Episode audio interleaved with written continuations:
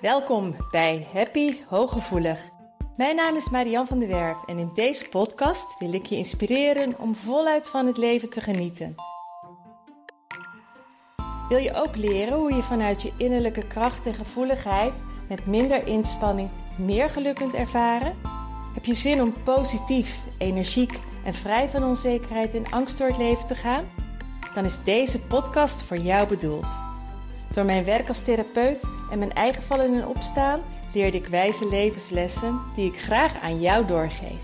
Samen op weg naar een licht en ontspannen leven. Ga je mee? Hi, welkom bij Happy Hooggevoelig.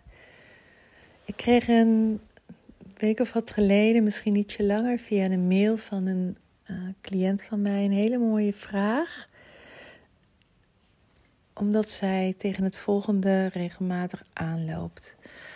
Ze zei: Ik merk dat tijdens gesprekken of tijdens vergaderingen uh, het wat langer duurt voordat ik kan reageren. Uh, dan lijkt het alsof het wat, wat, ik wat minder snel alle informatie tot me kan nemen. Dat de verwerking van alles, van de informatie wat vertraagder is.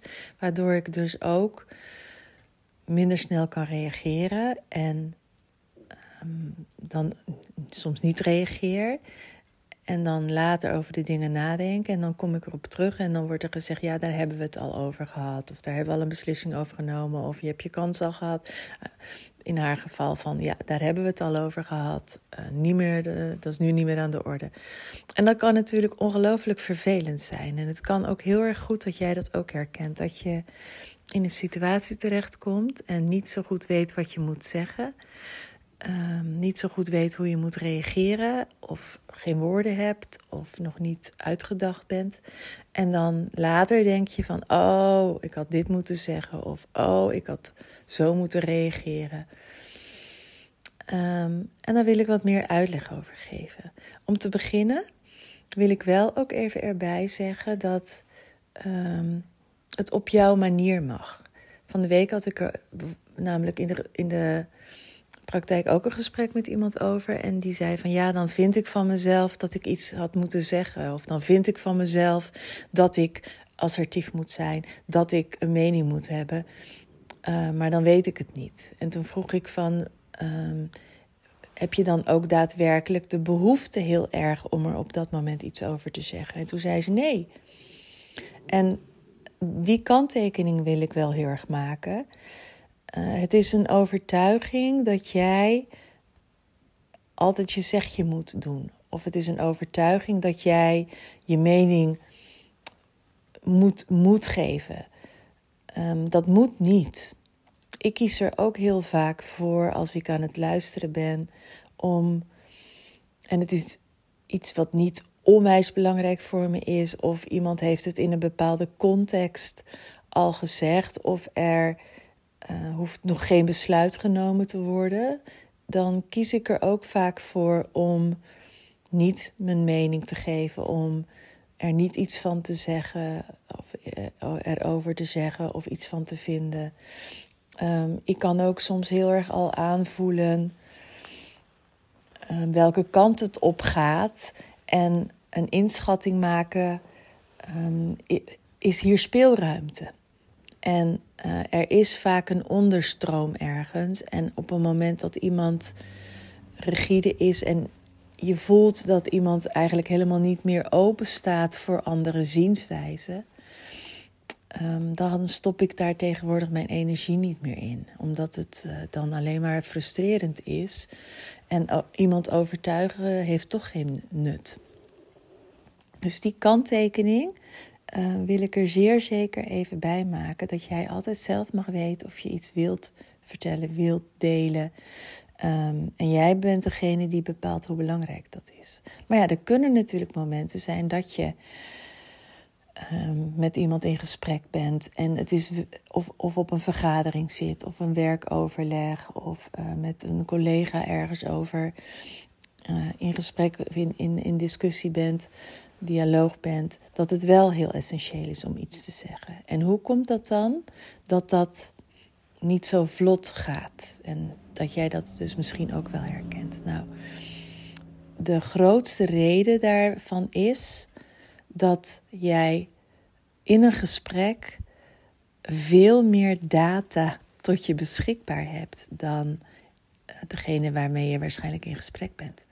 En daarmee bedoel ik dat ehm, jij in een gesprek, doordat dat filter niet zo goed werkt, of tijdens een vergadering veel meer informatie binnenkrijgt dan iemand anders.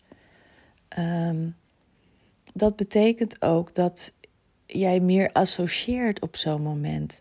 Jouw radars gaan ook gelijk. Als iemand iets zegt, stel je voor dat, eh, ik gaf dat van de week als voorbeeld. Stel je voor dat een collega aan jou vraagt: Wil jij dit voor mij, uh, wil jij vandaag dit van mij overnemen? Heel veel mensen die denken dan van ga ik dat wel doen, ga ik dat niet doen, punt. Maar bij jou gaat waarschijnlijk, oh, maar als ik dit dan heeft ze het waarschijnlijk erg druk. En als ik dat dan niet van haar overneem, dan is ze misschien wel teleurgesteld. En laatst heeft ze voor mij ook een keertje iets overgenomen toen ik onverwachts weg moet of niet zo fit was. Dus dan moet ik dat nu eigenlijk wel voor haar terug doen. Maar um, mijn eigen planning ligt er ook nog. En als ik dan dat van haar overneem en mijn eigen planning af wil hebben, dan betekent dat dat ik wel later naar huis kan. En dan moet ik wel eventjes gaan checken of de oppas dan wel zo lang bij de kinderen kan blijven. En we moeten ook op tijd eten, want als ik te laat thuis ben en um, we eten te laat, dan, nou, je voelt hem al. Een hele simpele vraag: wil jij iets voor mij opnemen?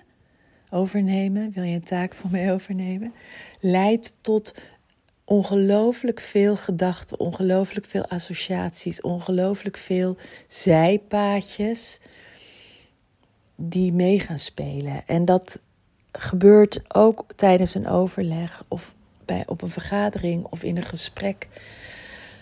Um, er is zoveel informatie wat jij tot je beschikking hebt Zowel de actuele informatie die binnenkomt, maar ook informatie door je vooruitziende blik. Van ja, maar als we dit doen dan op termijn, dan kan dat een rol gaan spelen. En als we dan dat er even bij pakken en dat niet uit het oog verliezen, dan krijg je een totaal ander plaatje. Nou, je weet zelf waarschijnlijk hoe dat jij weet, je weet, weet, niet waarschijnlijk, jij weet hoe dat in jouw brein gaat. Dat betekent dus dat tijdens een vergadering of tijdens een overleg er zoveel in jouw hoofd zit wat je op dat moment allemaal een, een plek moet geven. Jij moet bewust, heel, bij heel veel mensen wordt er onbewust dus alles, vindt er al een selectie plaats wat er überhaupt in het brein in het bewustzijn komt. Maar bij jou komt alles in je bewustzijn, waardoor jij heel bewust nog een selectie moet gaan maken van wat is wel relevant, wat is niet relevant, wat is urgent, wat is niet urgent, uh, wat moet ik nu wel uh, mee afwegen en wat kan ik laten liggen. Dat gebeurt bij ons bijna allemaal op bewustzijnsniveau. En terwijl jij dan nog volop daarmee bezig bent om dat allemaal eigenlijk in, in laadjes te gaan stoppen, ja, is die hele discussie al voorbij? Is die vraag al voorbij? Is het agendapunt al geweest?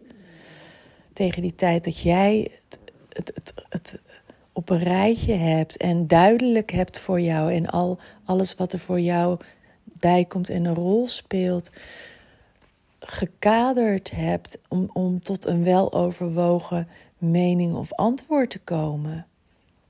Zij is al met hele andere dingen bezig. En dat maakt het dus heel erg ingewikkeld. En um, ja, het zou fijn zijn als jij mensen om je heen hebt, mensen in het management die daar oog voor hebben.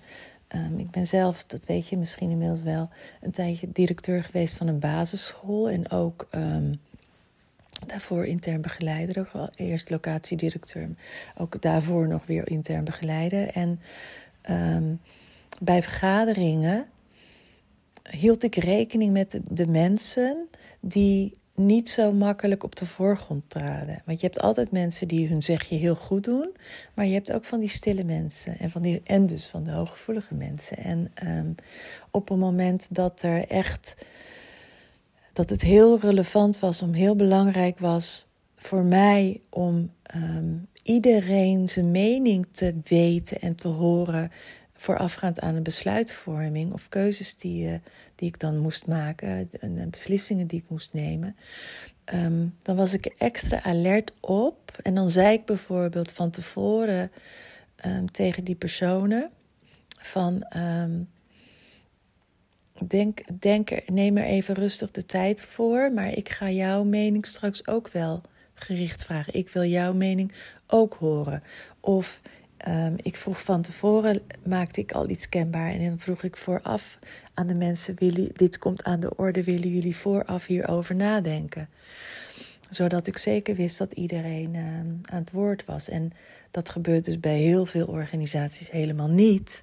En bij heel veel organisaties um, wordt er wel gezegd dat, dat er geluisterd wordt, maar is er niet een nieuwsgierigheid om daadwerkelijk je, dat, dat managers of leidinggevenden of collega's niet de, de, de, nieuwsgierigheid hebben om zich daadwerkelijk in jou te verdiepen, wat er in jou omgaat.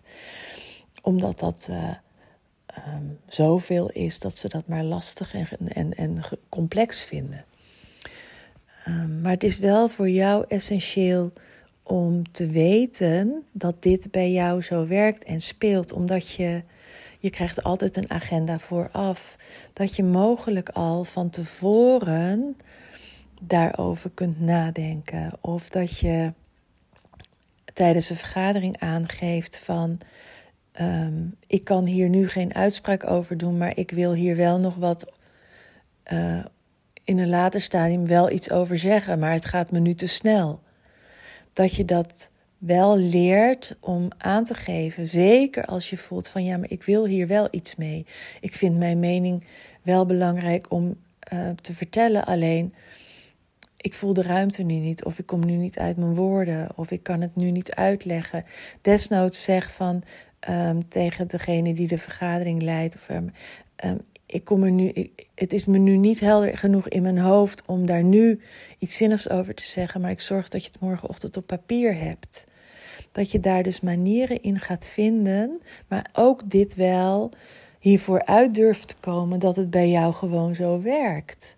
Want anders dan um, raak je ondergesneeuwd. Of anders dan krijg je het probleem dat je je niet gezien en niet gehoord voelt. Of als jij er dan een aantal dagen later op terugkomt, dat ze um, een beetje geïrriteerd of geïrriteerd zijn of um, je niet meer serieus daarin nemen, je niet meer daarin um, erkennen, zoals als bij degene die deze vraag gesteld heeft.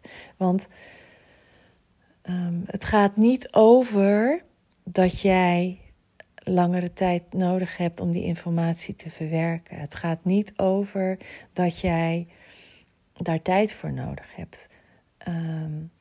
Je kunt wel leren om sneller keuzes te maken. En een van de manieren waarop jij kunt leren om sneller keuzes te maken, is om te leren weer naar je intuïtie te luisteren. Want dat is wel eentje nog uh, die heel helpend kan zijn. In bepaalde situaties voel jij al heel erg gelijk een ja-nee. Dit is een goed gevoel, dit geeft een rot gevoel. Alleen je weet er dan nog geen woorden aan te geven. Maar de kunst is om terug te gaan naar jouw sterke intuïtie. Om weer dat je weer leert te vertrouwen op die guts. Dat je heel snel, vaak in een split second al weet: dit is wel een goed idee, dit is geen goed idee. Omdat dat de basis is. Want stel je voor, als je daarop vertrouwt, dan kun je op dat moment wel een selectie maken. Stel je voor dat je er dat er dus een, een, besluit moet worden genomen en je moet voor of tegen.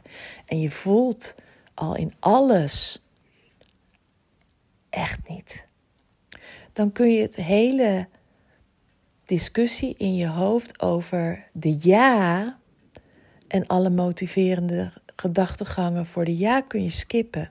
En dan hoef je alleen nog maar te motiveren wat jouw nee is. En, en dat deel van informatie te logisch uh, in, je, in, in, hokjes te stoppen of uh, logisch op een rijtje te krijgen.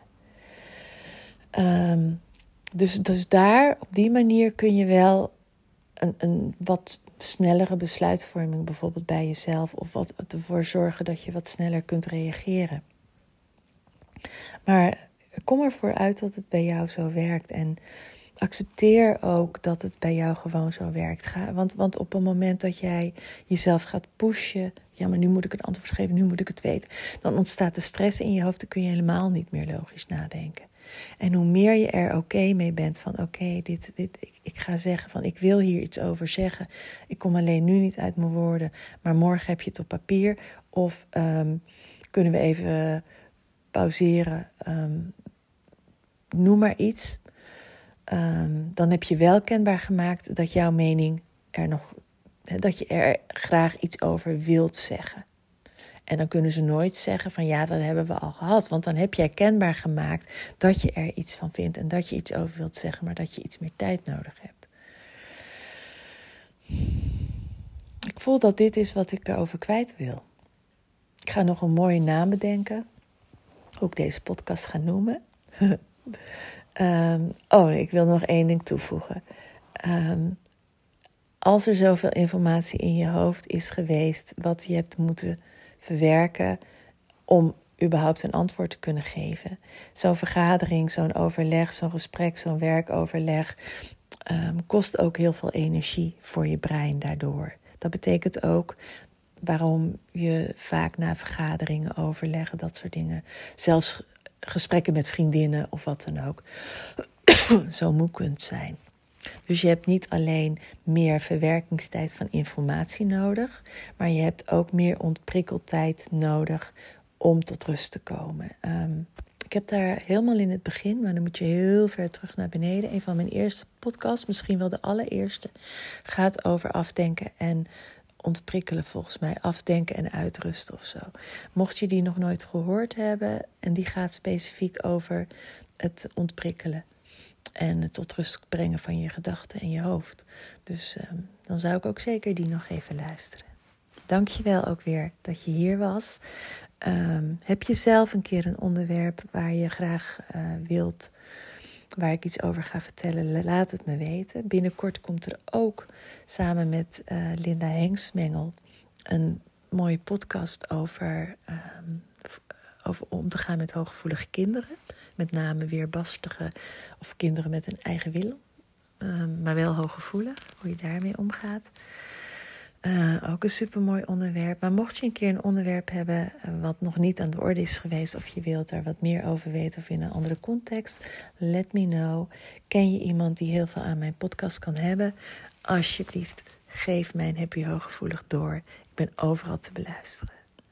Dankjewel dat jij er weer was en heel veel liefs van mij. Doeg! Dank dat je luisterde naar Happy Hooggevoelig. Heeft deze podcast je nieuwe inzichten gegeven? Je doet me een groot plezier met een recensie op Apple Podcast. Je kunt je natuurlijk ook abonneren op dit kanaal in jouw favoriete podcast-app. Want elke week staat er een nieuwe aflevering voor jou klaar. En wil je nu zelf aan de slag en meer lichtheid ervaren? En sta je open voor nieuwe inzichten en verandering? Neem dan vooral eens een kijkje op mijn website www.zienswijs.nl. Daar help ik je graag nog verder. Zie ik je daar?